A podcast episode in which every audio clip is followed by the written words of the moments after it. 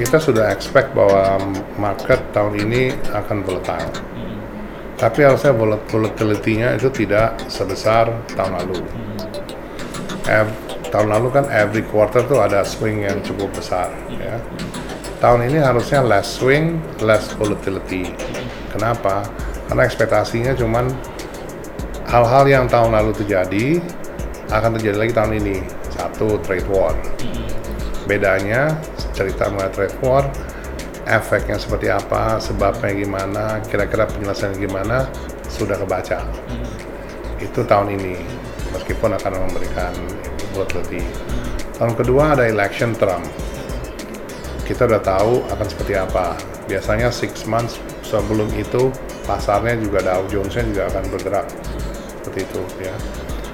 Tapi kan tuh hal-hal yang terus juga uh, earnings daripada perusahaan publik harusnya akan lebih baik daripada tahun lalu.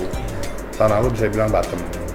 Jadi dari tiga komponen itu aja harusnya sudah bisa menarik kesimpulan pasar akan lebih baik di tahun ini. Angkanya di berapa? Harusnya sekitar 68 sampai 7.200 lah. 7200 optimis ya.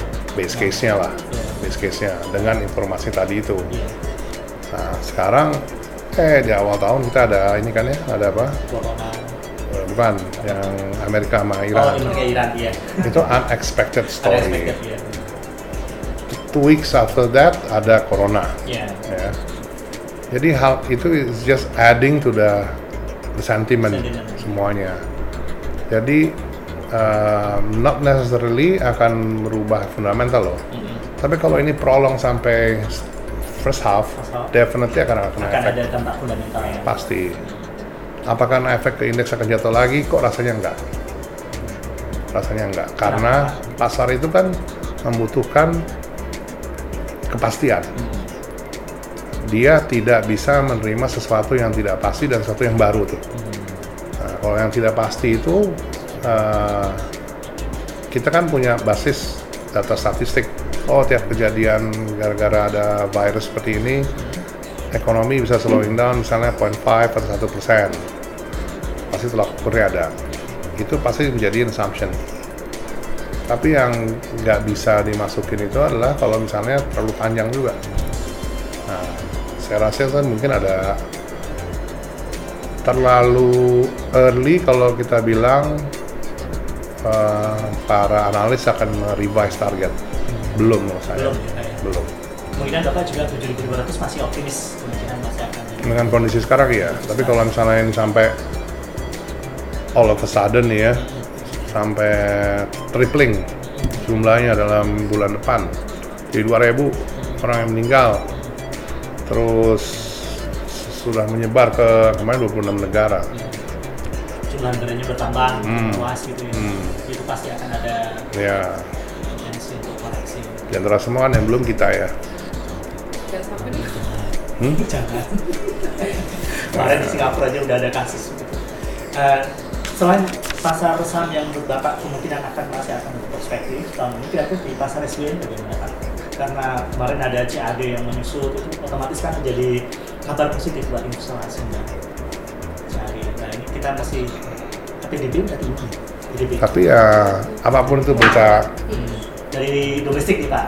apa pun itu berita yang positif. Ya. Tapi kalau if you have global issue yang nggak pasti, besar. lebih besar atau belum pasti lah magnitude-nya seperti apa, berita bagus itu nggak nggak bisa ngalahin, nggak bisa dikalahkan. Eh bisa dikalahkan. bisa dikalahkan oleh berita negatif dari Iya, global. iya, iya.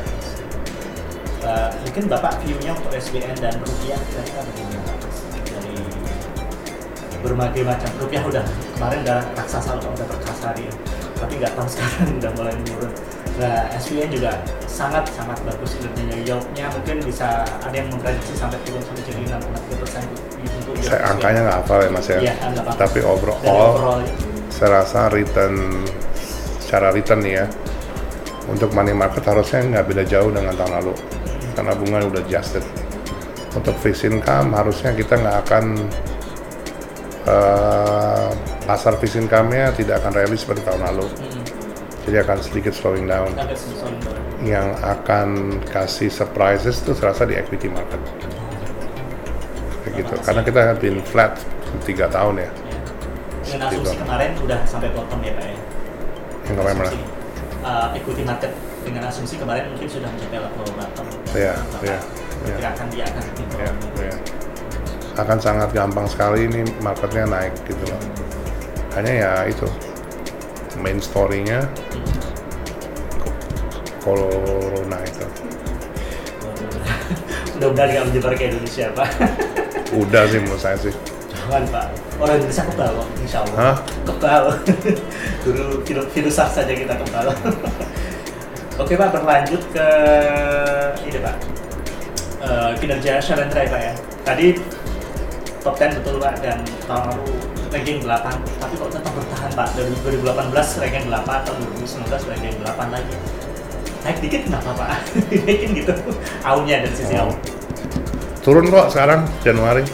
iya belum lah gimana dong Industri. baru dipuji udah